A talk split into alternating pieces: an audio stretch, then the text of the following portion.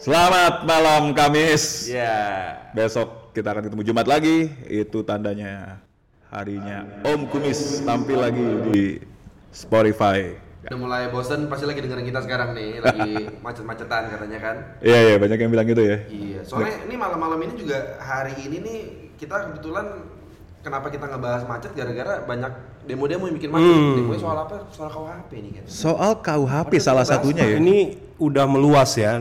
Apa concern orang tuh udah udah masyarakat luas nih dari berbagai daerah juga udah melakukan aksi bahkan sampai ke Jakarta juga gitu. Jangan-jangan gara-gara waktu itu Om Kumis ngebahas RUU KUHP jadi panas di dada. Bukannya mendinginkan suasana. Gara-gara kita malah jadi provokator. nah, tapi juga kita ternyata memang setelah uh, diskusi kita di uh, episode sebelumnya itu kita semua dapat cukup banyak pesan-pesan juga. Jadi by popular demand akhirnya kita memutuskan kita bahas lagi nih tentang uh, RUU KUHP. Kita dalami lagi, kita pertajam lagi. Dan berbeda dengan yang kemarin ada perspektif baru dan dengan narasumber baru. Nah, hari ini malam ini kita dapat kesempatan bertamu, bukan bukan apa Namu, kita namu nih bertamu, kita. kita namu. Terima kasih udah pada datang ke sini. Nah, kita bertamu ke kantornya eh, Bapak Edi Kemot, Halo, selamat malam. Markas. Ini markas nih sebenarnya. markasnya. Kurang Markas. tepat kantor. ya. Bagi yang eh, mungkin belum tahu, yang mana gua nggak yakin banyak ya. Eh, Kok gitu sih lu kan? gue yakin nggak banyak yang nggak tahu maksudnya. Oh, Pasti udah pada tahu. kan? Pasti udah pada tahu, nggak perlu dikenalin lagi. Bapak Edi Kemot ini adalah drummer dari sebuah band yang hates di Indonesia saat ini. Dari band dulu gitu. Seringai, udah dari dulu ya. dulu, dari band Seringai. Berarti udah tua, berarti udah tua. nah, kenapa eh, kita meng- ke kantornya Bapak Edi Kemot ini? Karena kemarin eh, kita juga ngelihat di media sosialnya Kemot ini aktif, aktif, ya. Setelah sukses menghancurkan RUU permusikan, Wah, hancur bos. jadi jadi luluh lantak itu undang-undang itu sekarang Edi Kemot mencoba bergerak lagi untuk Coba-coba. mencoba-coba nggak apa-apa semua harus sebenarnya Tapi mencoba yang sekarang lebih susah. Karena musuhnya kalau dulu Anang doang. kalau sekarang ini gelap musuhnya. Nggak kelihatan, nggak kelihatan ya. Nggak kelihatan. Siapa nih? Gelap Siapa yang ini. Karena eh, kita ngelihat Kemot ini cukup eh, aktif nih eh, dan menyuarakan concern-concern dan kepeduliannya tentang RUU KUHP ini. Nah, kita pengen dapat perspektif yang berbeda nih. Karena kalau kita ngomong kita-kita lagi lawyer-lawyer lagi ntar gitu-gitu lagi, kita pengen tahu nih sekarang kalau dari dari eh, perspektif eh, Kemot gitu ya. Kita panggilnya Bung Kemot, Mas Kemot. Bebas kemot aja. Kemot Sama gue juga sebenarnya justru gue butuh eh, perspektif yang dari teman-teman justru. Maksudnya Oh. kalau gue kan ngelihatnya sebagai awam ya, si ngerti gue gitu. Baru kan kemarin ketika diskusi di bar sama si Kenny baru ngebahas eh, di bar Di tuh. kedai minum, di kedai Ah, minum. tam, dengerin tuh. Eh, apa enggak bahwa itu harus ada aduannya dulu baru Hmm. dia ditindak jadi pidana dan segala tidak otomatis sebagai pidana Nah, si ngerti kan gue gitu. ya cuman dengan dulu ketika kita berurusan di RU permusikan kita ada tahu beberapa hal yang basic lah kayak soal kajian ilmiah Hmm. tahapan menuju undang-undang itu gimana jadi kita jadi belajar soal itu di sini juga kita mempertanyakan hal yang sama sebenarnya kenapa orang rame menurut gua karena menyentuh ranah Nah, privasi ini- ini penting nih. itu doang sih sebenarnya intinya. Iya. Yang yang jadi permasalahan tuh ada beberapa pasalnya yang menyentuh ranah privasi. Meskipun gue baru tahu juga sekarang bahwa ternyata dari dulu sudah ada Hmm, iya beberapa Oke. udah pasal udah turunan tuh, udah bawaan. udah turunan kan. Ya makanya paling yang gue sesalkan kalau misalnya pengen bikin undang-undang yang lebih baik, Iya. ya Justru kenapa harusnya kesempatan untuk menghapus yang buruk yang sebelumnya. Berarti kan niatannya yang Betul. menurut gua nggak nggak nggak elok lah niatannya gitu. Eh, kalau lu niatnya bikin undang-undang yang lebih baik dan pasti masalahnya menyentuh ranah privasi sih. Ya menurut gua hal-hal privasi, interpretasi, pencemaran nama baik itu tuh hal-hal yang lu nggak bisa interpretasikan dengan mudah. Jadinya pasal karet. UU ITE juga menurut gua kecolongan kita. Itu mah super kecolongan menurut gua. Maksudnya se asshole asshole-nya Ahmad Dhani, gua nggak setuju dia di penjara. gitu. Iya, iya, setuju. Gitu. Itu salah menurut gua gitu. Gimana kalau itu kejadian ke gua? Bener. Aryan bisa banget ditangkap pakai UU ITE. Bye, job-job panggungku. Tiba-tiba kayak nyanyi Gitu. sekarang Anang. Eh, kan Mas Anang damai deh. Gitu. Gimana gitu? Ya itunya sih yang kayak gitu-gitunya. Nah ini juga kan banyak yang karet gitu. Kayak soal penco apa eh, menghina presiden. Kita diskusikan kemarin. Misalnya Agan Harahap bikin muka Jokowi ditempel ke sebuah komposisi apa yang merespon situasi politik sekarang. Oke. Menghina, mengkritik, atau dia sekedar bikin karya. Karena dia emang udah constantly bikin karya seperti itu Oke. gitu. Oke. Lihatnya dari kacamata apa? Benar. Gitu. Kalau dari kacamata seni dia konsisten. Oke. Oh ini adalah respon dia terhadap situasi dengan gayanya yang sudah dilakukan sebelumnya. Ngelihat dari kacamata istana, anjay gitu. Nah, ini ya berarti lo mau ininya pakai gimana? Nah, gitu. Artinya subjektif banget ya. Jadi subjektif. Kalau gitu kita masuk eh, dari yang tadi udah kemot buka dulu nih. Pertama, concernnya memang salah satunya yang banyak concern itu terkait dengan kebebasan. Disebutnya penge- pe- kebebasan berekspresi, bahkan dibahasakan juga sebagai pengekangan kebebasan pers. Balik ke topik yang tadi disebut penyerangan, kalau di pasal di RUU KUHP itu disebutnya penyerangan kehormatan atau harkat dan martabat presiden dan wakil presiden. Dari dulu udah ada tuh ya? Nah, untuk perspektif itu dari dulu udah ada bahwa eh, presiden itu di satu sisi gini, di presiden itu kan dianggap sebagai salah satu lambang negara, Eh, seperti bendera, lambang Garuda Pancasila dan presiden. Jadi itu memang sesuatu yang tidak boleh dilakukan secara yang merendahkan lah. Ini yang menarik gini nih Mot sebenarnya kayak kita, kita ngobrol juga tuh di kedai minum waktu itu. kedai minum. lapo anjing. Terus orang membayangkannya saya tinggal lapo gitu. Lampu lampu Di belakang dia main gitar, nggak kayak gitu. Nggak kayak gitu. lebih keren, lebih keren. Satu hal yang menarik tentang hal ini nih, Mot. Kayak kita udah bahas, tan- eh, penyerahan terhadap presiden, pada pengadilan juga pada hakim ya, penguasa, pemerintah. Ada satu hal sebenarnya menurut gue yang agak membuat gak bias itu adalah media. Gue sempat menangkap beberapa minggu yang lalu itu media kalau lagi membahas mengenai ketentuan ini, mereka membahasakannya mengkritik presiden, Iya. mengkritik pengadilan bisa dipidana, gitu. Nah itu penyakitnya zaman sekarang. ya. Penyakit Media tuh. tuh bisa menyetir opini. tuh. Clickbait ya. Clickbait. clickbait maksudnya gua memang clickbait Iya. iya kan tapi Tapi ken- kenapa mengkritik kan jadi jauh kesannya sangat represif. Jadi kurang Betul. objektif tuh itu nggak nggak mengcapture draft sebenarnya dari undang-undang KUHP. Jadi masyarakat jadi udah keburu di feed ke satu Opini. opini tertentu. Padahal apa adanya aja kalau memang tulisannya menghina ya menghina. iya Itu dia uh, media betul nih. Kan yang kita lihat sekarang kebanyakan memang bukan draft uh KUHP-nya sendiri ini gitu kan. Tapi intisari di medianya. Iya, bagaimana media menyajikannya gitu. Benar media bisa memang menyetir opini, tapi kita juga harus antisipasi bahwa memang ini adalah interpretasi dari orang yang awam yang mewakili masyarakat banyak mungkin media ini gitu. Itu satu. Gitu. Kedua karetnya itu sih. nah gitu. Maksudnya Apa batas sih antara kritik sama menghina itu Ah. bagaimana? Bahwa bentuk kritik gua adalah sebuah karya. Betul. Misalnya kayak- gua- lagu lagu gua gitu misalnya. Gua bikin sebuah lagu yang wah ini Jokowi tapi dalam in some way apa gitu misalnya. Padahal sebenarnya udah simbolik, udah apa bisa kepada siapa aja segala tapi diinterpretnya dengan sikon sekarang bahwa lu nyerang presiden, Presiden. ini gitu. mungkin kayak kayak Iwan Fals dulu bikin Beto Misalnya Iya kan? in a way misalnya Hmm. gitu. mungkin kita gini kita masuk dulu ke esensi yang utamanya dari sebenarnya apa sih pasal apa pasal pencemaran uh, presiden tadi mengimbangi tadi yang media bilang itu pasal anti kritik sebenarnya itu pasalnya esensinya adalah di muka umum menyerang kehormatan atau harkat dan martabat diri presiden atau wakil presiden Ya. dipidana penjara kita nggak usah ngomong berapa kali ini ya gitu nah esensinya di situ tuh menyerang kehormatan atau harkat dan martabat diri presiden gue bisa menangkap tadi yang Kemot bilang ini jadi pasal karet karena sebenarnya kok luas banget nih Misalnya gue dapet presiden yang asshole banget gitu gimana gitu. Hmm. Masa gue jadi nggak boleh mengkritik gitu Iya. kan? Atau maksudnya Contoh yang diambil tuh bagus tuh mengenai edit foto Agan Harahap. Iya. Menurutku bagus tuh ya. Karena mungkin dari bunyi pasal itu kan ada beberapa yang memang telak-telak menghina lah yang semua orang pasti setuju itu menghina. Itu menghina. Misalnya tindakan-tindakan tertentu yang misalnya lu angkat jari jari tengah lu ke arah muka presiden gitu. Susah lu mengatakan ini bentuk kritik misalnya. Cover tempo menghina atau kritik. Nah, ini contohnya Nah nih. kita ngomongin batasan nih. Nah. Nah sebelum ke situ kita pasal tadi itu ada penjelasannya mod.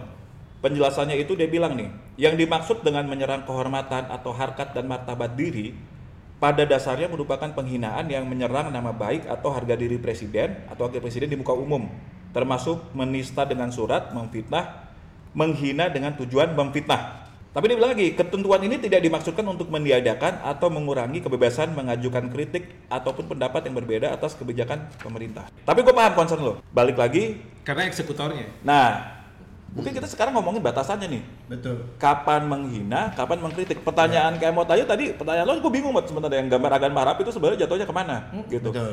Nah, tapi gini, di berbagai belahan dunia ini, berbagai negara, even negara yang bebas Amerika pun sepanjang yang gue tahu, mereka tuh punya pasal juga uh, defamation label. Misalnya muka gambar foto eh, Donald Trump diberakin itu mau udah jelas gitu. Iya, udah jelas lah. Ya, agak susah lo argue itu kritik kan Iya, gitu. tapi kita sepakat nggak bahwa sebenarnya kalau sampai yang keluar itu produknya adalah menghina martabat presiden, kita sepakat nggak bahwa itu sebenarnya tidak benar? Tergantung. Ah. Kalau presidennya tidak bermartabat, Iya. nah itu Mungkin maksud mungkin gitu. gini. Jadi Iya, iya. Pertanyaannya misalnya gua ngomong sesuatu yang fakta, terus dianggap wah ini loh enggak ini emang faktanya.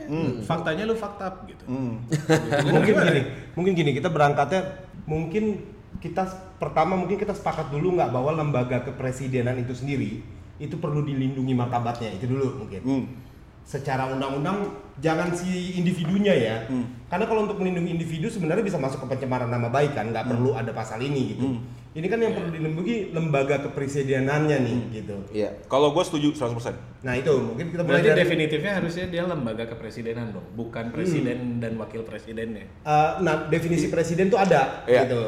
Jadi Iya. bukan si orangnya tapi uh, Lembaganya. lembaganya termasuk bukan cuma presiden nih kan presiden, wapres, uh, pengadilan Hmm. dan dan apa uh, dan lembaga negara lainnya kalau gua nggak salah. Kalau itu gue setuju. Maksudnya jadinya lu membela harkat martabat negara. Hmm, Negara kita sendiri. Negara gitu kita kan. sendiri, Yes. gue setuju. betul. Orang negara Singapura tahu-tahu ngebelain Nah. bendera Indonesia atau foto itu Presiden kita. Iya.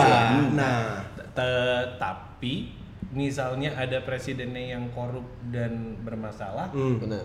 ya nggak bisa didiemin. Betul. Gitu. betul. Sekarang gini, Mod, kalau kita tapi kita untuk ininya kita bukan ngomong misalnya sekarang presiden kita Jokowi nih, presiden Iya. sebagai sebagai Siapa pun jabatan orangnya, ya, siapa pun. sebagai title Sebagai ya. jabatan. Nah, misalnya kita berbicara tentang satu hal yang lo nggak sepakat dengan pasti lo nggak su- ada hal nggak sepakat karena pasti kebijakannya nggak mungkin personalnya dong. Tapi belum tentu juga. Kalau Bisa misalnya juga personal ya. Presiden tukang selingkuh gitu misalnya. Iya. Oh iya sih, betul juga. Iya benar Iya. juga. Iya. Betul juga.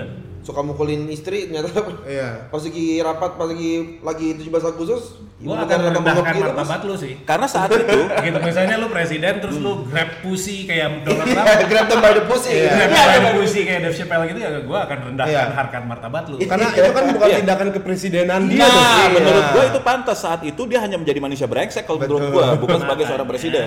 Jadi bahaya banget ya. karet kan Karet banget. Memang di sini kalau di RKUHP ini ditambahkan nih kalau tindak pidana yang tadi eh, penyerangan kehormatan kehormatan terhadap harkat warkat harkat dan martabat presiden wakil presiden harus berdasarkan aduan. Aduannya berdasarkan presiden sendiri dan wakil presiden. Jadi kalau Hmm, yang bersangkutan, jadi ini delik aduan nih. Jadi nggak bisa Kalau dulu delik aduan, jadi nggak semba- nggak sembarang ada yang merasa presiden dia di, dihina, dia nggak bisa ngelapor ke polisi.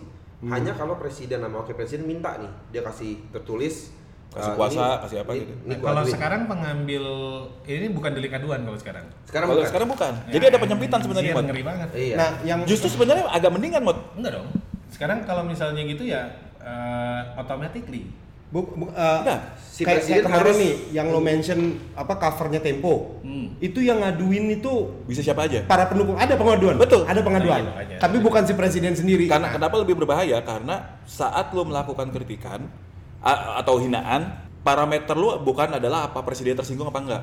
tapi Tapi siapa aja bisa tersinggung Iya. bisa laporin lo. Nah, ini sekarang. bahaya. Ini sekarang. ada orang lain yang baper, nah, Nah, bisa dia lapor Di gitu. RUU KW sekarang dipersempit, Mod. Jadi yang harus hanya presiden doang betul, Hmm. harus mereka yang Kalau gua merasa merasa tersinggung. Jadi presiden juga jadi beban kan? Maksudnya dikit-dikit Iya, iya. Bos, ah, bapak nih dikritik dikit masa bapak ngerasa. Kalau sekarang kan dia nyolek orang kan, bos bos gua bete nih gua lu yang bisa jadi. Nah, Kok tiba-tiba Jakarta sepi ya gitu, tahan semua tapi. Semua nih. nah, gini deh, gua akan bertanya konkret dan gua harap jawaban juga konkret, oke Di saat lu menyampaikan kritik, di mana menurut lu batas yang menurut lu masih acceptable buat lu eh, menyampaikan eh, bukan kritik lah, menyampaikan ekspresi Pendapat. kesalahan lu. ketika itu the truth Hmm. selama itu faktual, selama itu fakta Hmm. gue bisa nyatakan Artinya lu kan bilang, "Heh, dasar koruptor lu." Something like that. Kalau terbukti iya. Ya.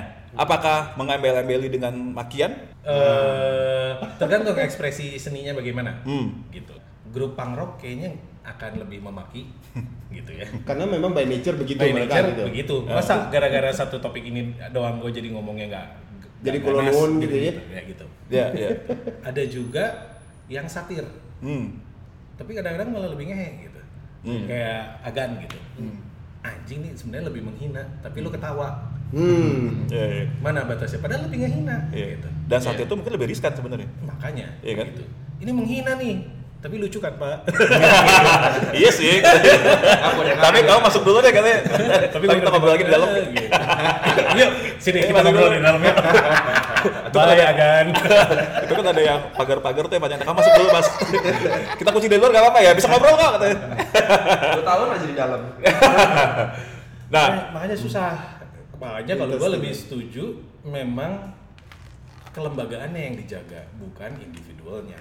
Which sebenarnya Karena individu mah ya punya namanya juga manusia ya Hmm. gitu. Kelembagaan yang harus punya wibawa, bukan orangnya. which sebenarnya bahasanya di sini yang di Iya. itu adalah presiden bukan bukan individunya Bukan. siapa pun dia ini juga sebenarnya termasuk satu Mat. menurut gua cukup riskan juga di banyak orang Apa tuh? pasal yang pengekangan kebebasan pers dan lain sebagainya ini kebebasan berekspresi itu juga masuk lagi satu pasal yang cukup klasik tapi ternyata belakangan tuh banyak juga yang nyangkut nih Wah, penistaan klasik ini agama. Oh. Iya, emang.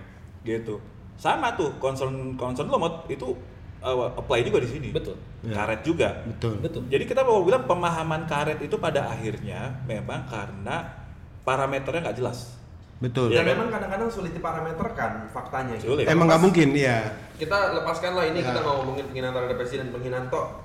Iya. Ya memang Iya, apa kita sih penghinaan gitu. Karet Iya. kan kita kita udah bahas juga kan Kita di episode kita ya gitu kan Episode keberapa? subjektif Wah, episode ketiga Subjektivitas. medsos jadi usil jadi memanggil karena subjektif Iya. Yang harus dilindungi, kita harus boleh tetap mengkritik penguasa. Kekuasaan harus tetap punya check and balance masyarakat. Iya, setuju setuju setuju nah Jadi itu harus dibalance memang itu susahnya lah. gua tuh mencoba memformula memformulasikan sebenarnya kritik itu apa dengan gua baca beberapa referensi juga kritik itu sebenarnya adalah penyampaian suara lu penyampaian ekspresi lu terhadap uh, atas ketidaksetujuan lu mengenai suatu hal. Tapi efek yang ditimbulkan dari penyampaian kekecewaan lu itu adalah agar suara lu didengar dan orangnya berubah. Itu kritik agree nggak kita kalau misalnya Agree. Kalau menghina mah lu cuma ngomong aja lu goblok. nah itu bener Sampai efek yang ditimbulkan apa Antara lu ngomong eh lu salah harusnya lu begini sama eh lu goblok. Iya, Nah, exactly. Ya oke. itu kan kita paham jadi kita ngerti nggak maksudnya kita dapat ya oh kritik sama sama menghina itu sebenarnya itu satu lagi sebenarnya kritik itu adalah kalau kita di ruang publik ini kan ngomong di ruang publik efek apa yang akan ditimbul akan timbul dari orang-orang yang mendengar kritik eh, suara lu Ya. Iya. kalau eh, suara lu itu akhirnya menggugah orang lain untuk menyampaikan concern yang sama memberikan tekanan yang lebih besar itu menurut gua kritik. Ya. lu menggugah orang lain untuk oh si Kemat bener nih ini gak bener nih presiden kita gak bener nih. Ayo kita juga menyuarakan hal yang sama gitu. Tekanan semakin besar itu bisa lebih efektif. Menurut gue itu kritik. Tapi kalau menghina, menghina itu efeknya lain man. Kalau ini kan tadi ada tujuan untuk berubahnya, Man. nah tujuan lu adalah menyampaikan ke Hilman misalnya man lu jangan begini dong lu nggak bener begini man gitu Soalnya bayar utang, Man, gitu kan. betul. Terus gue bilang sama Kemot, gue bilang sama Brian, gue bilang sama yang lain, terus makin banyak ngomong sama lu dengan harapan, semakin besar pressure lu, lu menyadari, oh ya gue nggak bener nih, orang nggak bisa terima. Itu sih menurut gue, itu kritik sih menurut gue.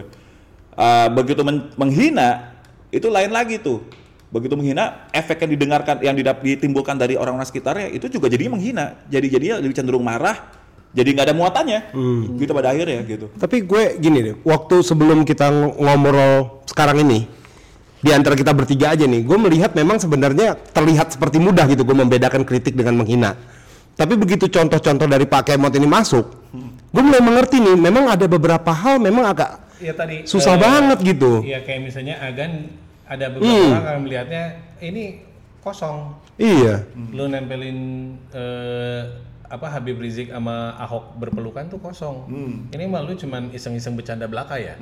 Berarti lu menghina. Karena- sebenarnya kalau dari kacamata seni itu ada maknanya gitu. iya. Berarti Ada. tadinya Tapi- lu ngomong apa, ternyata prakteknya lu ngomong apa, kayak Pinocchio berbohong gitu kan? Bukan kalau di seni beda. Bahwa Mungkin pengen damai satir. gitu. Betul. Iya. Satir dilakukan ini adalah sebagai ekspresi cita-cita gua. Semua yang dibikin sama Agan adalah fantasi dia tentang id- ideal world. Nah. Makanya dia collage itu. Nah. gitu. Nah, eh, jadinya itu bukan ini dong, itu adalah ekspresi seni dia. Hmm. gitu. Betul. Gue rasa tepat banget tuh contoh yang agan harahap ya karena kan banyak tuh memang editan dia ya. Iya, iya, iya, iya. Dan efek yang ditimbulkan secara umum tuh orang pengen ketawa sebetulnya.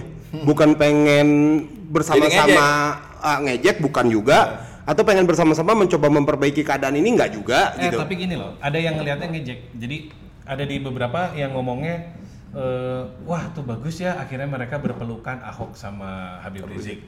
Ada yang di kubu sananya hoax apa-apaan ini. Pihak sana mencoba menipu masyarakat. Allahu Akbar. Eh, anjing.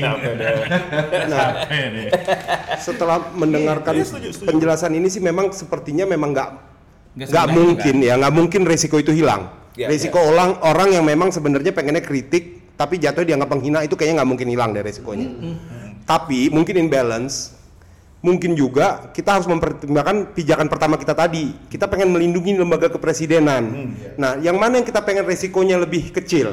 Orang menghina lembaga kepresidenan tapi melenggang saja atau ada kemungkinan orang yang maksudnya kritik terus kemudian jadi menghina. Nah, bagian ini kan kita pasrahkan kepada pertimbangan si presiden nih, karena dia yang boleh melapor kan. Nah, harusnya by konsep kan harusnya presiden ini bukan orang sembarangan juga nih. Bijak dia. Ah, dia memikirkan juga efeknya apa kalau dia ngelapor dan lain sebagainya gitu. Mungkin mungkin kita nggak akan pernah bisa ketemu juga nih yang sempurnanya biar ngebedain orang menghina atau mengkritik gimana.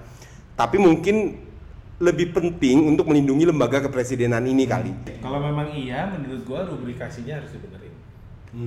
Maksudnya rubrikasi sekarang memberi peluang untuk itu. Bahwa ini ngomongnya bisa individu. Presiden dan wakil presiden ya adalah individu yang terpilih sekarang. Automatically, lu nggak bisa separate entity ini. Kecuali rubrikasinya adalah lembaga kepresidenan nah nah nah nah nah, nah, nah, misalnya. Baru oke, let's talk. Kalau enggak sih menurut gua tetap potensi karet. Iya.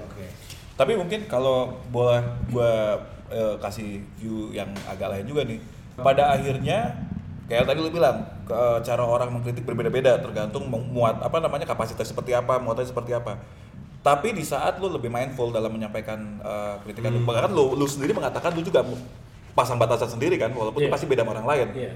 Pada akhirnya resiko tetap ada karena tadi luas pasal karet. Resikonya akan tetap ada karena subjektif juga. Tapi batasan yang lu pasang itu itu akan memberikan membedakan lu sama orang lain dalam kemampuan lu membela diri lu nanti kalau kena masalah. Kalau Oh, iya. Iya. betul. Kalau itu Iya jelas. kan? Jadi itu yang moga-moga bisa jadi ini ya. juga. Pada akhirnya Iya. kemampuan kita mendefense diri kita juga gitu loh. Iya. Gitu. Nah, next satu lagi nih gua gua lihat bakal eh, agak rame juga itu adalah tentang pelanggaran adat. Nah, itu aneh. Itu aneh banget ya kalau kita lihat pasalnya gitu. Itu aneh. Itu pasal berdiri sendiri tuh Ken ya? Kenapa? Itu pasal berdiri sendiri kan? Berdiri sendiri itu. di pasal 2. Jadi dia bilang ketentuan tidak mengurangi berlakunya hukum pasal 1 ayat 1 itu dia bilang ketentuan berlaku di pasal 1 eh, pasal 1 ayat 1 itu asal legalitas. Tidak ada pidana eh, tidak ada eh, apa namanya? tidak ada pidana tanpa kesalahan. Eh, tidak mengurangi berlakunya hukum yang hidup dalam masyarakat yang menentukan bahwa seseorang patut dipidana walaupun perbuatan tersebut tidak diatur dalam undang-undang ini. Nah, Makanya menurut gua mending nggak ada kan undang-undang ini. Gampang-gampang susah tuh jawabnya. Gini. Iya, gak mau susah sih. Memang Iya, ideal. misalnya kayak hukum adat itu mending nggak usah ada dong. Iya, itu, itu Oh, kalau hukum adat gue Itu setuju. ada capture all dibuka lagi. Hukum adat di KUHP maksudnya ya? Iya, gua gua agak bingung memang nih arahnya ke mana sih? Harus ada hukum adat di KUHP gitu. Kajian ilmiahnya apa yang menyatakan ada Kenapa bisa ada ini? Eh, Tapi itu ya itu sih menurut gua kajian ilmiah harus kita harus tahu juga dari mana kajian ilmiah mereka untuk RKUHP. hmm. Mm. Pertimbangannya kan, apakah pertimbangannya semata-mata oh kita nih justru karena kita masyarakat yang majemuk dan bineka tunggal ika kita harus mengakomodir nih kemungkinan hukum pidana yang kita bikin di Jakarta gitu di Senayan mungkin nggak mengcapture keinginan masyarakat yang atau hukum yang berlaku di daerah tertentu. Iya, tapi Kalau kita ngeliat kacamata positif nih, semua kita bisa Iya. lihat dari dua sisi nih. Iya, betul betul. nah makanya kajian ilmiah kan berarti ada Harusnya mengcapture itu. ada prosesnya untuk mendapat Iya. eh, kesimpulan tersebut. Benar. Dari mana tahapnya? Lu melakukan riset kah? Iya. Lu ada seorang profesor yang membuat tesis tentang itu kah? Iya. Apakah ini perlu gitu kan? Iya. Kalau kalau dengan ayat ini nggak ada, pasal ini nggak ada di KUHP, Ruginya apa sih? bahaya nih masyarakat kita majemuk pak. Misalnya kalau kita lihat nih Iya. keresahan di masyarakat segala macam ada ada bahkan kalau bisa ada data-data empirisnya gitu kan Iya, ada angka betul. yang kita bisa lihat gitu loh. Betul. Nah ini kan sekarang nggak ada. Ya masalahnya menurut gua di situ sih. Iya. Dan itu bukan hal yang nggak mungkin dilakukan. Bener. Maksud gue gini, kekurangannya kita memang ya kalau gue ngeliat secara general, kita menyikapi suatu masalah, kalau masalah yang berkembang di masyarakat nih, media kita juga nggak mengajarkan kita untuk pinter gitu. Persis. Jadi Clickbait tadi itu. Ya pem- clickbait. pemerintah juga ajar masyarakat pinter dong. Nih, kenapa gua kasih poin-poin ini? Nih, ada data begini-begini. Iya. Masyarakat juga diajar, ya udah lu hajar datanya pemerintah lah.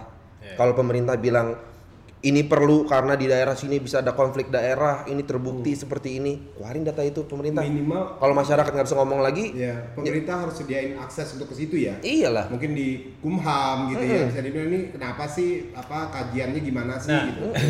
gua tuh cerita sedikit pengalaman waktu RU permusikan. Nah, Kesuksesan lu nih, Mot. Kesuksesan bersama. Bersama. Sekarang jangan sombong. Takabur, takabur. Eh, susah banget dapetin data-data itu. Iya. Maksudnya, jadi akhirnya waktu itu tuh eh, kita dibantu sama teman-teman KSI Koalisi Seni Indonesia. Terus eh, memang ada beberapa anak yang cukup aktif lah di situ. Oh nyari ke sini, ngontak ke sini, browsing di sini nggak dapat, websitenya nggak bisa dibuka. Oh akhirnya dapat, ya rujukannya ke ini, dikasih link ini, buka, anjrit blogspot. Hmm. Iya, iya, iya, iya. lagi yang satu yang ini anjrit ini mah apa gitu ya wah pokoknya kacau-kacau baru ketika dirunut tapi kita harus berjuang banget untuk dapetin data-data itu terus websitenya mereka teh kacau pisan Hmm. susah diakses Nah, satu nih, Mot. Kalau balik lagi ke undang-undang permusikan tadi ya. Itu kan satu gerakan, satu movement yang terasa cukup masif dan berhasil pada akhirnya kan gitu. Least sampai saat ya, ini nih berhasil. ya, Kita nggak tahu ya. tahun depan ya apa yang terjadi ya. Ya. Sekarang kita lihat penolakan terhadap undang-undang yang ada nih KUHP, eh, KPK dan sebagainya. Hari ini aja dari kemarin kita dengar bahwa aja tuh rusuh kan, benar-benar rusuh. Udah banyak kekacauan di berbagai tempat nih sebenarnya. Iya. Kenapa sih tidak bisa dilakukan seperti yang lu lakukan bersama eh, teman-teman lu ini, Bud? Sudah terbukti efektif. Kena, apakah sekarang kenapa jalan itu nggak diambil? Kan kalau lu kan sangat ilmiah tadi lu eh, kajian lo, lu mencoba mencari tahu. apakah karena lawannya gelap itu? gini Apakah lawannya bukan Anang kan? tanggalnya jauh kalau sekarang tanggalnya Oh dekat. iya iya iya benar benar benar. benar. sekarang tanggalnya dekat entah kenapa tidak ada good oposisi Iya betul betul. betul. terus gerakannya gelap Hmm. SDA tahu-tahu tembus gitu. Iya. Sebenarnya udah tinggal tanda tangan tanda tangan doang. Yang jadi teka-teki kan nanti besok nih apa yang ditanda tangan. Pada saat itu kalau si RU permusikan tuh kita dapetin itu duluan. Jadi kita ada yang ngasih bocoran waktu itu. Hmm. Jadi kalau kita nggak ada yang ngasih bocoran itu, Kecolongan juga. kecolongan juga. Nggak ngeh gitu. Nggak ngeh, tahu-tahu ada yang ngasih, eh apa nih? RU permusikan, ah permusikan apa nih definisi permusikannya? Baca anjing kacau gini. Hmm. lo segera bergerak apa-apa nah terus akhirnya ada bikin pertemuan kan di sini Ya. sama menurut gua bedanya dulu lawannya Anang sorry ya Mas Anang tapi ya maksudnya Mas Anang tuh anggota dewan ya? anggota dewan. Anggota dewan. Pada waktu itu tuh dia bersama dengan beberapa teman musisi mengusulkan adanya RUU permusikan. Terus mencoba jadi kalau gua ngeliatnya ya sesederhana teman-teman musisi ada Mas Anang nih sekarang di DPR, ayo wakili suara kami, sejahterakan kami. Oke, gua akan bikin undang-undang untuk mensejahterakan. Ambil proyeknya, kasih ke BK apa yang tukang bikin undang-undang tuh? Bukan, BK, bukan BKD ya. Iya, eh, badan iya. apa? Badan, Badan eh, Yang yang yang penyusun penyusun, eh. tim penyusun. Di situlah cacatnya. Ya. Tim penyusun ini bukan musisi, Oh. bukan apa namanya eh, orang yang berkecimpung di industri musik, cut and paste dari perfilman dan kebudayaan. Hmm. Kerasa ada beberapa pasal yang bunyinya sama, makanya kita bash gitu. Hmm. Nah, lewat waktu itu nemu proses negosiasinya. Kasarnya karena sesama musisi gue bisa nego ketemu slang ketemu siapa ayo kita bikin forum pertemuan duduk bareng debat langsung hadap-hadapan. Kalau gue bisa melakukan itu sama Jokowi mungkin ya gitu. Tapi kan sekarang susah juga ya. Bahkan bukan sama Jokowi berarti gue harusnya melakukan duduk face to face sama siapa? Sama ketua DPR ya nggak mungkin kan gitu. Nggak ada yang punya akses tersebut sekarang gitu terus mau bersuara seperti apa pun tetap jalan prosesnya gitu tapi gue tetap ngerasa perlu gitu maksudnya karena lawannya legislatif apa oligarki gitu. Hmm. Ya, Tapi- walaupun channelnya aspirasi masyarakat memang harusnya ke DPR ya, bukan ke presiden loh. Sebenarnya makanya Yang sekarang sudah benar. Pertamanya, iya itu benar, Udah benar nih sekarang nih. Tapi ada satu menurut- menurut gue agak kurang nih dari dari dari yang sekarang. Waktu RU permusikan tapi kayak lu bilang mungkin waktu-waktu waktunya juga cukup ya panjang. Tapi gue bisa melihat suara yang dilempar di media atau di sosial media itu ada bobotnya, Mot. Orang-orang seperti gua waktu itu begitu melihat tuh materi yang dilemparnya itu ada isinya. Jadi kita jadi bisa ngerti waktu ngomongin concern nih. Waktu itu gue lihat lu kan eh, sempat ada yang concernnya tuh runut. Oh, karena ini, karena ini, karena ini. Sekarang tuh enggak menurut gue. Kita ngomongin RUU KUHP deh. Termasuk kayak RUU KPK aja menurut gue. Kecepatan ya. Iya, mungkin karena tadi lu bilang waktunya ya. Cuman bobotnya itu nggak kayak dulu. Jadi informasi yang dilempar juga oleh orang-orang yang merasa keberatan ini nggak, gue nggak merasa isinya. Jadi Oke, satu lagi itu gara-gara sekarang masalahnya banyak. Dulu masalahnya satu. ya Dulu maksudnya oke lu permusikan aja. Terus udah gitu ya mungkin karena mereka juga timnya receh dilawan sama akademisi Rara Sekar adanya Isyana adalah eh, agak akademisi dosen juga di luar negeri jadi wow dibedahnya teh theoretical dalam gitu. Tapi kan memang satu topik. Ini sekarang banyak nih gitu isunya. Iya. ada RUU KPK Apakah ini strategi belajar dari kesalahan di pembahasan RUU permusikan ya? Iya, kalau kalau gue sih, kalau gue sebetulnya ada teori gembelnya adalah RUU KUHP ini tuh begitu ngaconya, sampai gue rasa ini sengaja ya lu lempar keluar supaya orang ribut. Tapi sebenarnya lu set, set SDA lolos, agraria apa? Yang Kayak- mau lolos lagi yang si keamanan cyber.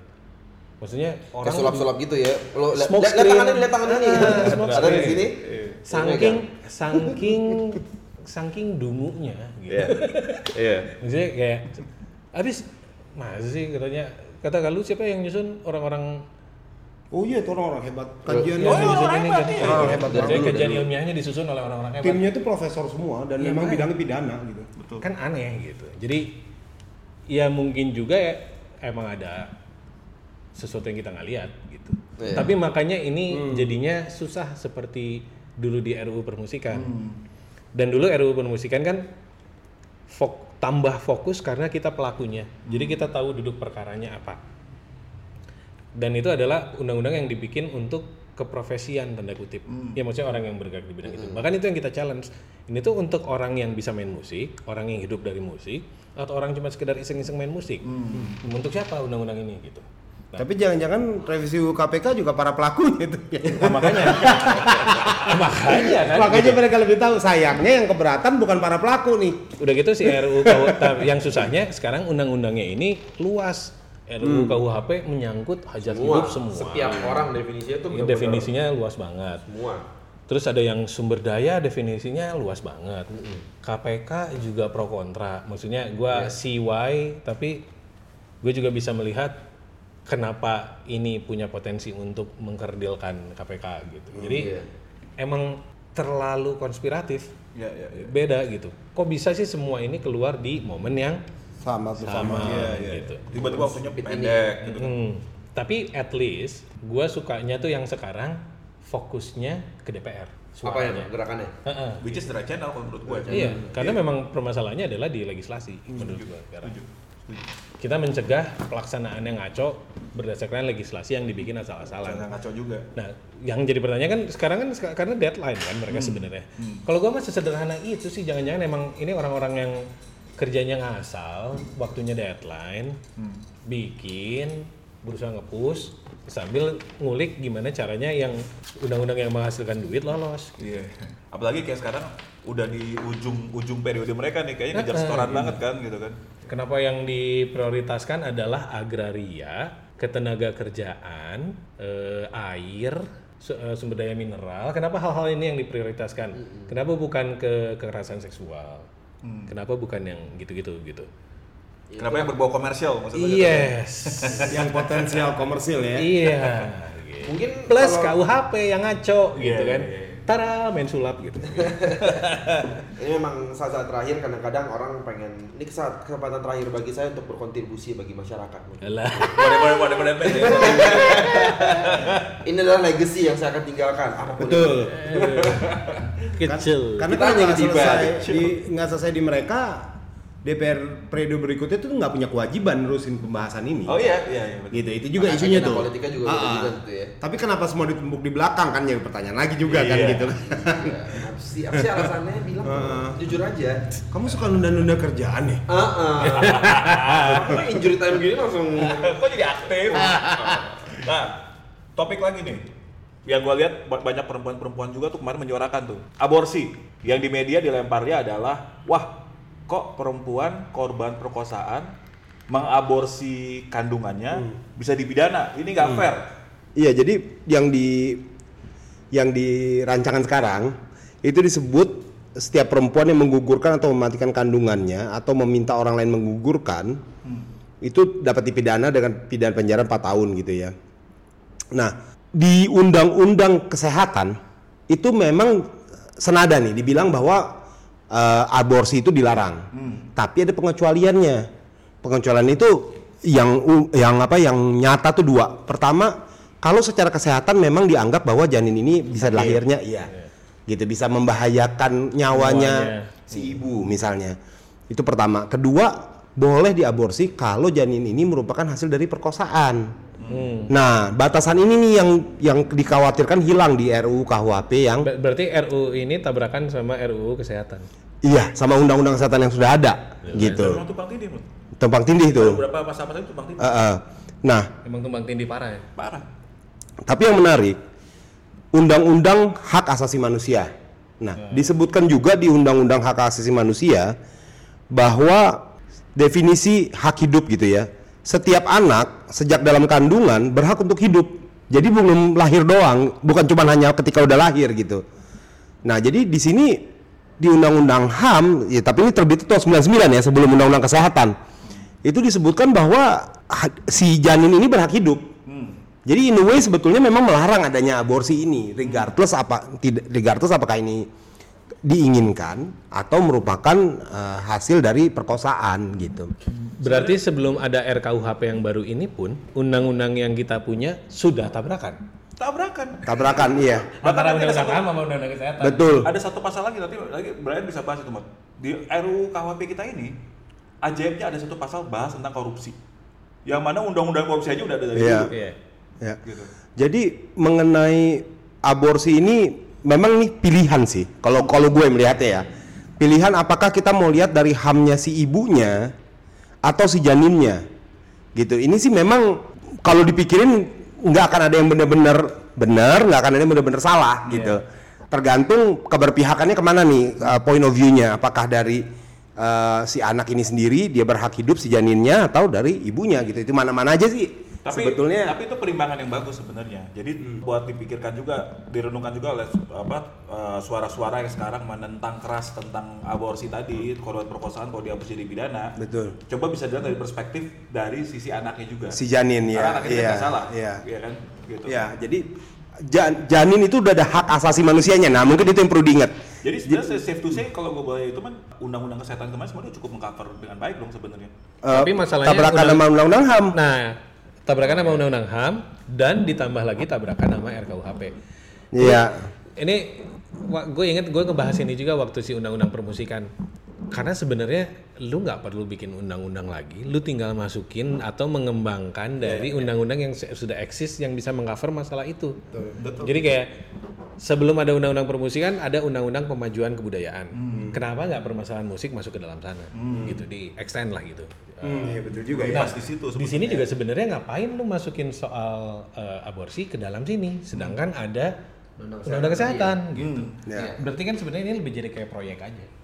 Proyek-proyek bikin undang-undang. Waktu itu tuh permusikan soalnya rasanya gitu banget. Minimal lu proyek ya. Eh, ada angga mau memakai anggaran terus udah gitu kan masuk ke si BKD bikin undang-undang itu anggaran lagi gitu. Iya. KUHP bayangkan dia berbelas-belas tahun nggak tembus, tapi berbelas-belas tahun dibahas. Berarti berbelas-belas tahun ada anggaran Ya. untuk membahas RKUHP.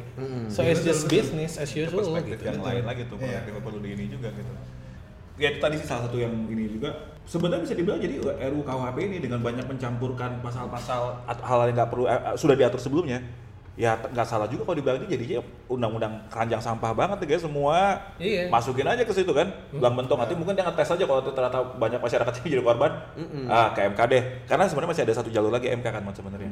Kalau masyarakat cukup rajin dan punya niatnya dan modalnya untuk itu. Nah, makanya kan itu gitu maksudnya. Memang point of view jangan bikin aja dulu, kalau keliru nanti diperbaiki lagi gitu. Jangan gitu juga ya point of view-nya. Ya, maksud gua aduh nyusahin banget sih DPR nih gitu. Gue sebagai rakyat eh, rasanya Iya, betul, eh gitu lu gue pilih gitu. Duit-duit pajak Duit duit pajak gua. mendingan dipakai buat ke mana ah, gitu kan. kerjanya begini gitu kan Kenapa gue jadi mulu yang harus beresin Ah, kekacauan kenapa gue yang gitu ya? beresin tai lu gitu jadi iya. kayak eh kesel gitu rasanya tuh gitu terus gitu buat buat gua sama teman-teman musisi yang kemarin aktif tuh rasanya berlipat-lipat gitu iya iya gue udah ngerasain kacaunya lu bikin UU permusikan sekarang gua ngelihat banyaknya kacaunya undang-undang yang lu bikin berarti ini mah emang kalian sebagai DPR emang nggak kompeten aja gitu nah ini gue menghina atau nggak tadi kritik sih kalau menurut gue nah tergantung Solid lah itu kalau kalau gue nggak kenal lu mungkin gue bilang itu sih iya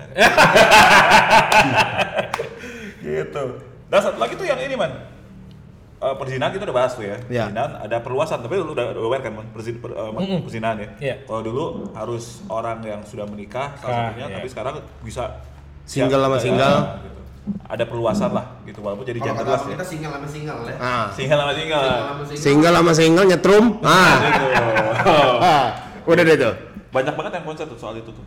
Apa single sama single nyetrum? Jadi kok jadi sekarang kalau dulu karena dulu nah di itu di situ yang gue bilang eh, masuk eh, ranah Private, private. a- a- private dan agama Hmm. oh ya gitu maksudnya ya kalau lu mau gitu bikin aja emang kebijakan adat lu di situ Iya. maaf di daerah ini no gay Oke, kata seseorang langsung keluar. iya maksudnya eh, dan gak usah dipidana juga gitu maksudnya. Iya benar. kayak kayak lu di mana? Gili gitu.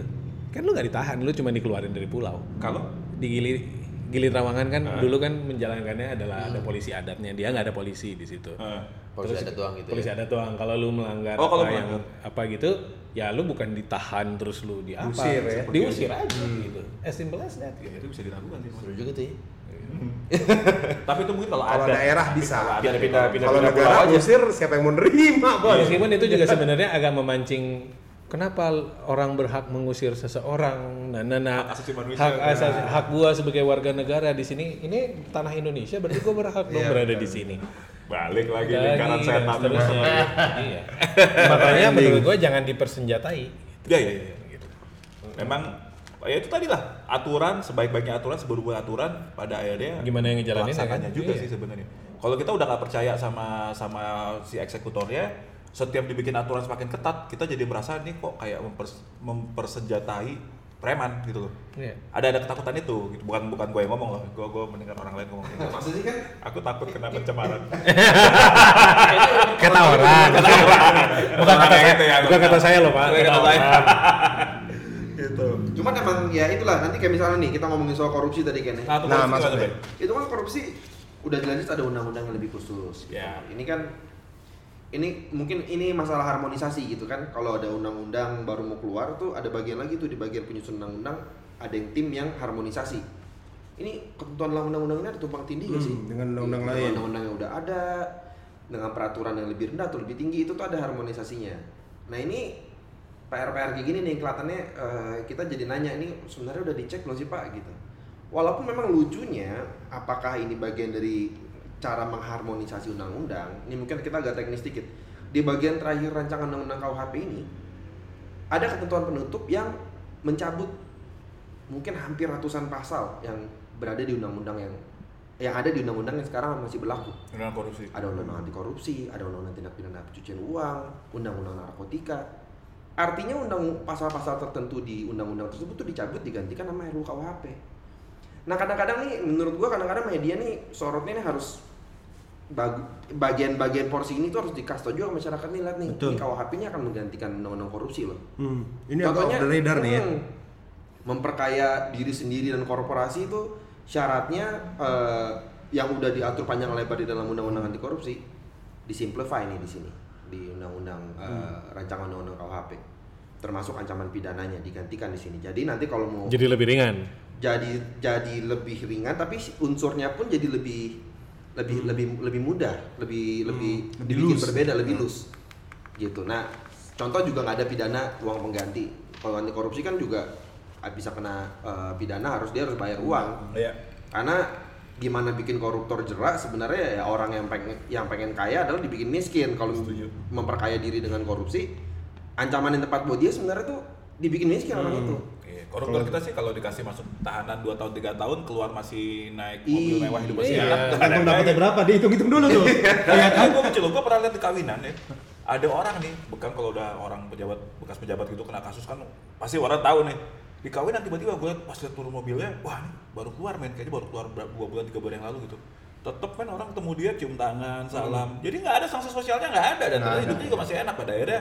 Ya, kayak tadi lu bilang, bilang Bray, sebenarnya yang paling efektif itu pemiskinan. Kemiskinan, Itulah benar. sebenarnya mau dibidik sama TPPU kan sebenarnya. benar Tapi RKUHP kita nggak membuat mereka jadi dimiskinkan kan? Oh, mak- malah malah turun ya. Pe- tadinya ada denda uang yang besar sekali itu Jadi nggak ada kan sekarang? jadi nggak ada Nah ya makanya di situ aja secara spirit udah salah. Betul betul. Nah ini nih yang Mengerikan. yang yang gue nih ya nggak nggak nggak baca nih di media nih mengenai hal ini nih gitu. Padahal kalau kayaknya nih berbahaya banget nih bisa bisa apa namanya eh, meloloskan begitu banyak tindakan-tindakan koruptif ya. Si UU pemasyarakatan juga kan meringankan koruptor kan? Eh, ada cuti bisa cuti Oh itu pemasyarakatan tuh ya. undang-undang pemasyarakatan. pemasyarakatan. sebenarnya jadi kok kayak gini nih kembalikanlah KUHP kepada ranahnya ngomongin soal pidana-pidana yang umum Umum betul iya, ya. nanti kalau Iya. kalau kalau uh, legislatif kita mau ngebahas mau merubah undang-undang anti korupsi ya undang-undang itu aja yang dirubah nanti undang-undang terorisme itu aja yang dirubah Betul. undang-undang narkotika Iya, itu dirubah undang-undang kesehatan itu jadi, dirubah jadi mengkhawatirkan sih kenapa Iya. sekarang semua ditumpuk dan disederhanakan juga. Betul. Kalau nggak salah korupsi cuma jadi satu pasal ya. korupsi di sini jadi cuman jadi tiga empat pasal nih di sini Di mana undang-undang korupsi tadinya berapa pasal Udah panjang-panjang lebar gitu. Elaboratif banget kan. Mm-mm. dan namanya peraturan itu kan nggak bisa sepotong-sepotong gini masuk ke peraturan lain dia dia harus jadi satu kesatuan tuh ngebacanya pun jadi spiritnya harus Dan gue jelas simpel sih, undang-undang kalau pengaturan semakin sederhana itu berarti kita ngomongin diskresi diperluas. betul Itu yang paling gue takut sebenarnya. enggak ka- kan gini kalau kita cuma satu dua pasal kita lihat gini kita nggak dapat spiritnya sebenarnya kenapa sih pasal ini dibuat Iya, undang-undang kan benar. ada menimbangnya ada Iya, apa iya. gitu Harusnya jadi satu rangkaian kan? betul Iya. nah kayak RU musik gitu jelas buat musik aja misalnya gitu atau si korupsi ini memang udah ada kok kenapa Iya. tahu ada satu dua nyempil ke sini gitu Ya, mengerikan sih emang itu. mengerikan mengerikan, mengerikan. Nah itu yang gua kemarin begitu ketemu Kenny pertanyaan gua pertama adalah secara hukum masyarakat bisa ngapain sih terhadap Nah, legalitas coba. ini gitu. Di satu pada suatu hari di Indonesia DPR-nya brengsek semua. hmm. Masyarakat bisa apa? Oke. Kalau presiden bisa di-impeach, Heeh. Kalau DPR bisa diapain?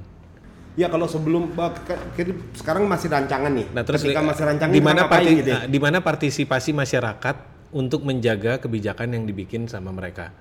Yang mana gue baru nggak sebenarnya isu itu waktu lo bilang Mon.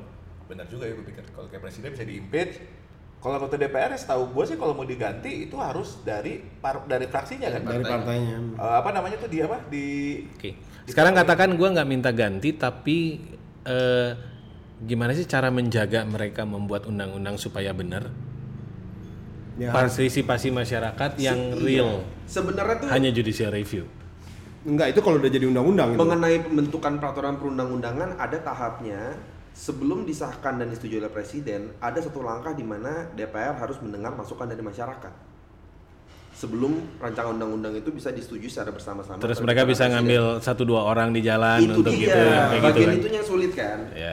yang nggak ada parameternya juga siapa yang mau diambil kan Iya gitu. dan dari sisi oke kita untuk untuk kita bisa kasih pendapat yang seimbang kita di posisi pembuat undang-undang bagi Hmm. dia juga susah juga nih kapan gua dianggap Telah. mewakili aspirasi masyarakat nih. Iya. Masyarakat mana yang didengar? Karena sebenarnya kita juga gitu kan. Betul betul. Kita dihadapkan pada pilihan untuk percayakanlah kepada saya sebagai pembuat kebijakan. Tidak. Nah, percayakan gitu kan. Kalau nggak percaya ya gimana? Saya nggak bisa berbuat kebijakan apa-apa karena pada akhirnya nggak mungkin ada kebijakan yang 100% semua setuju.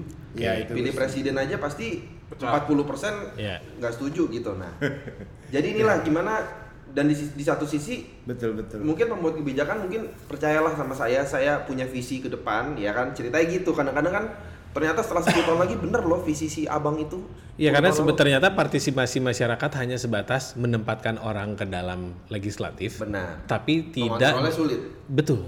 sistem kontrol ini dalam tanda kutip pemilu berikut ya kan Dihukum Iya, ya. soalnya iya. gini, soalnya bahayanya kayak gitu ya menurut gua. Dari mana gua tahu? Karena yang harus dijaga itu adalah legislasi produknya menurut gua. benar Mau siapa? Gua nggak mungkin misalnya gua milih Kenny gitu, karena Iya. gua kenal deket banget. Tapi ketika lu bikin produknya sampah, mah gua akan tetap bilang kan kok gini sih kan gitu. Maksudnya dan gua berharap lu ngeganti karena Kalau lu lu nggak itu juga. kalau gua nggak itu juga gitu.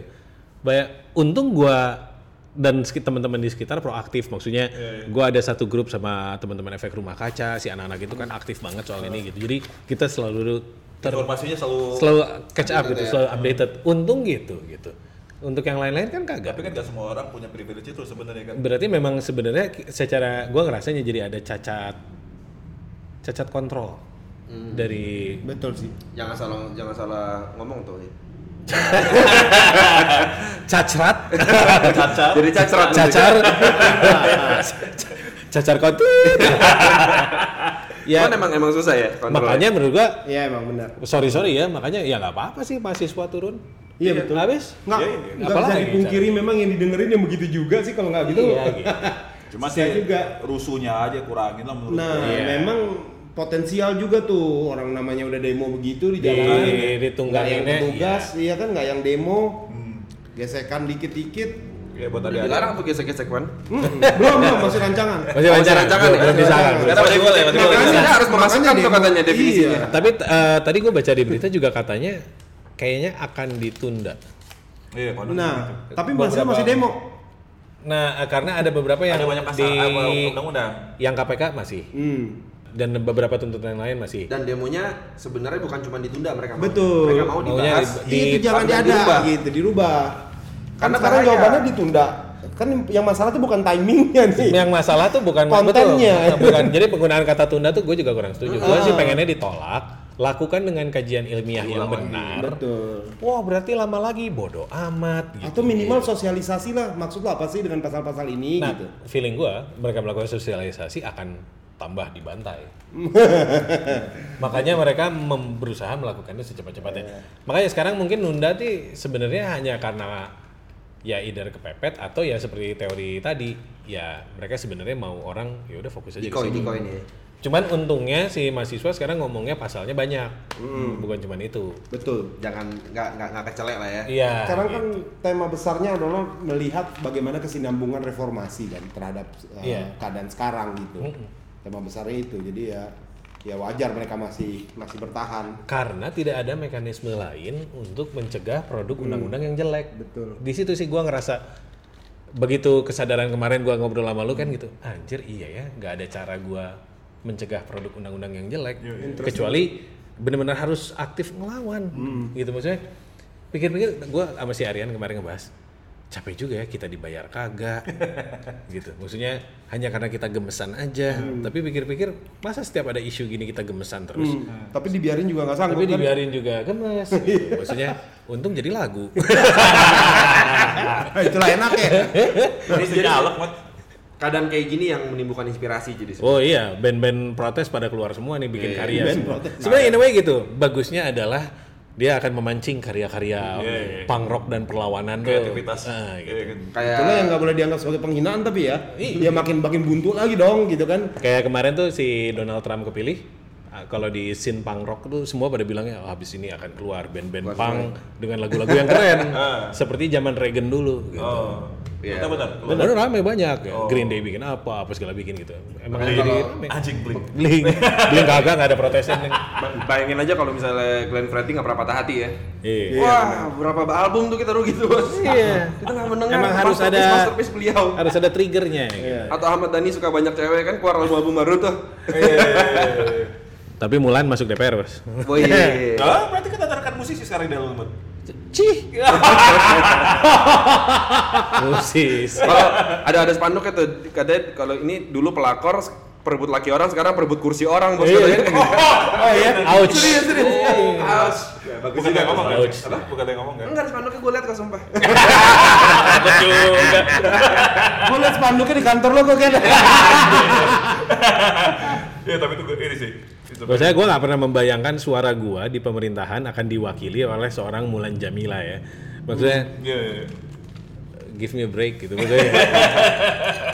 Kenapa harus begini sih? gitu ya, ya? gitu. maksudnya. Nah, terus kalau gue mau memprotes itu bagaimana? Atau ya udah deh, secara sistem memang dia terpilih apa pun yang terjadi dia jadi terpilih.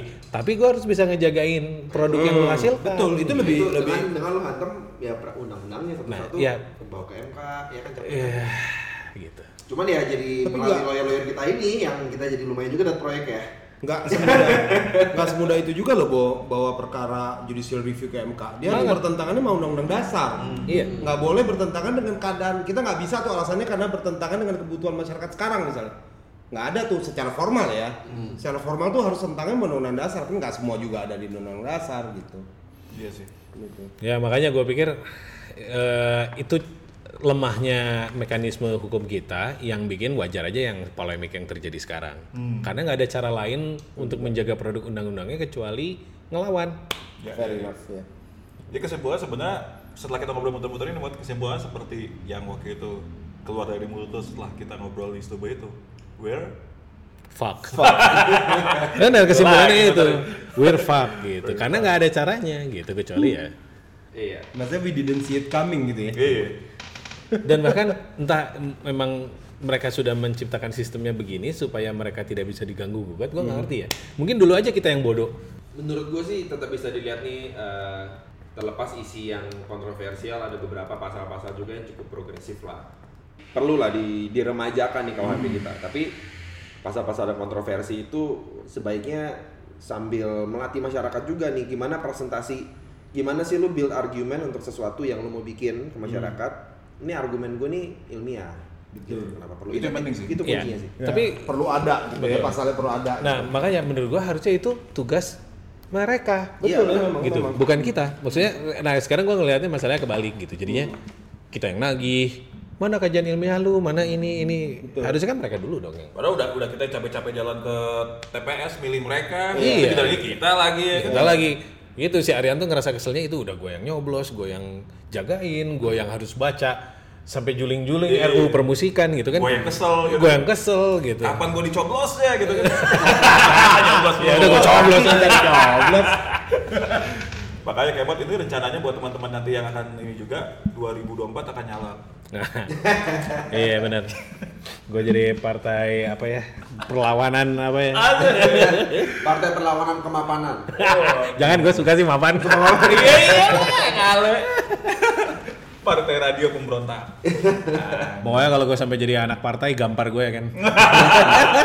Sama-sama lah. Tapi tetap coblos gue kan. eh tapi coblos gue dulu baru gampang. Kira-kira gitu lah pembahasan kita I ya. think ya eh, diskusi hari ini luar biasa. Menarik nih kita diskusi lagi dong yang lain nih, isi hukum lain dong. Ya, ini pentingnya di sini Ah. makanya pentingnya kita mengundang Narasumber, seperti- narasumber. Ya, Gue teman- jujur deh waktu tadi aja di mobil tuh gue masih kenapa sih orang pada ribut banget RUU KUHP karena gue fokus gue masih di revisi UU KPK gitu kan gue kecewa kenapa orang nggak nggak bersuara selantang RUU KUHP ini gitu Sebenarnya lantang. Nah, Ah. sebenarnya RUU KPK itu kita lantang. Hanya keburu disahkan aja. Cepet ya. 13 hari ya Iya. Tolong. Nah, nih ya. Ini adalah RUU tercepat. Da- Jadi mungkin harusnya kita kasih rekor. nah sih kasih kirim papan Gue bunga pengen sih ngasih bunga. papan muri masukin muri. Iya. Ini adalah RUU tercepat yang disahkan. Iya, betul. Kajian ilmiahnya mana? kita kasih penghargaan gitu Jadi ini mah udah jelas cacat. Tapi udah keburu makanya setuju gua kalau mahasiswa masih demo di jalan. Iya KPK masih gini RUU KPK-nya. nah yang lucu itu ya. tadinya belum yang siapa. ironis itu ban Hah? sekali mereka perform bisa mengerjakan sesuatu yang cepat malah cacat. malah cacat malah kacau balau Gitu. Iya, iya. gitu. Jadi mungkin memang kita perlu juga nih, karena kita lawyer-lawyer ini merasa kita eh, sering banget terlalu satu frekuensi gitu. iya iya iya Jadi nggak, nggak ada sparring partnernya iya nggak ada pandangan orang lain gitu. kalau gue tuh biasa kenapa gue males banget RUU KWP ini cuma satu sih Mot, sebenarnya jadi mesti ngapalin lagi. Selama ini gue udah tahu deh. Lu udah hatam. Udah, udah, udah, udah, tahu deh gue gitu kan cari-carinya di mana masalah gitu kan nyari duit udah tahu nih. buku di buluk-buluk Eh, terus sekarang cari duit mesti belajar lagi. Kan capek dari SD udah belajar, belajar lagi ya. Alright, eh, kayaknya oke oke banget nih diskusi kita hari ini. Thank you ya teman-teman membuka. Oh kita dong yang thank you Thank you justru. banget.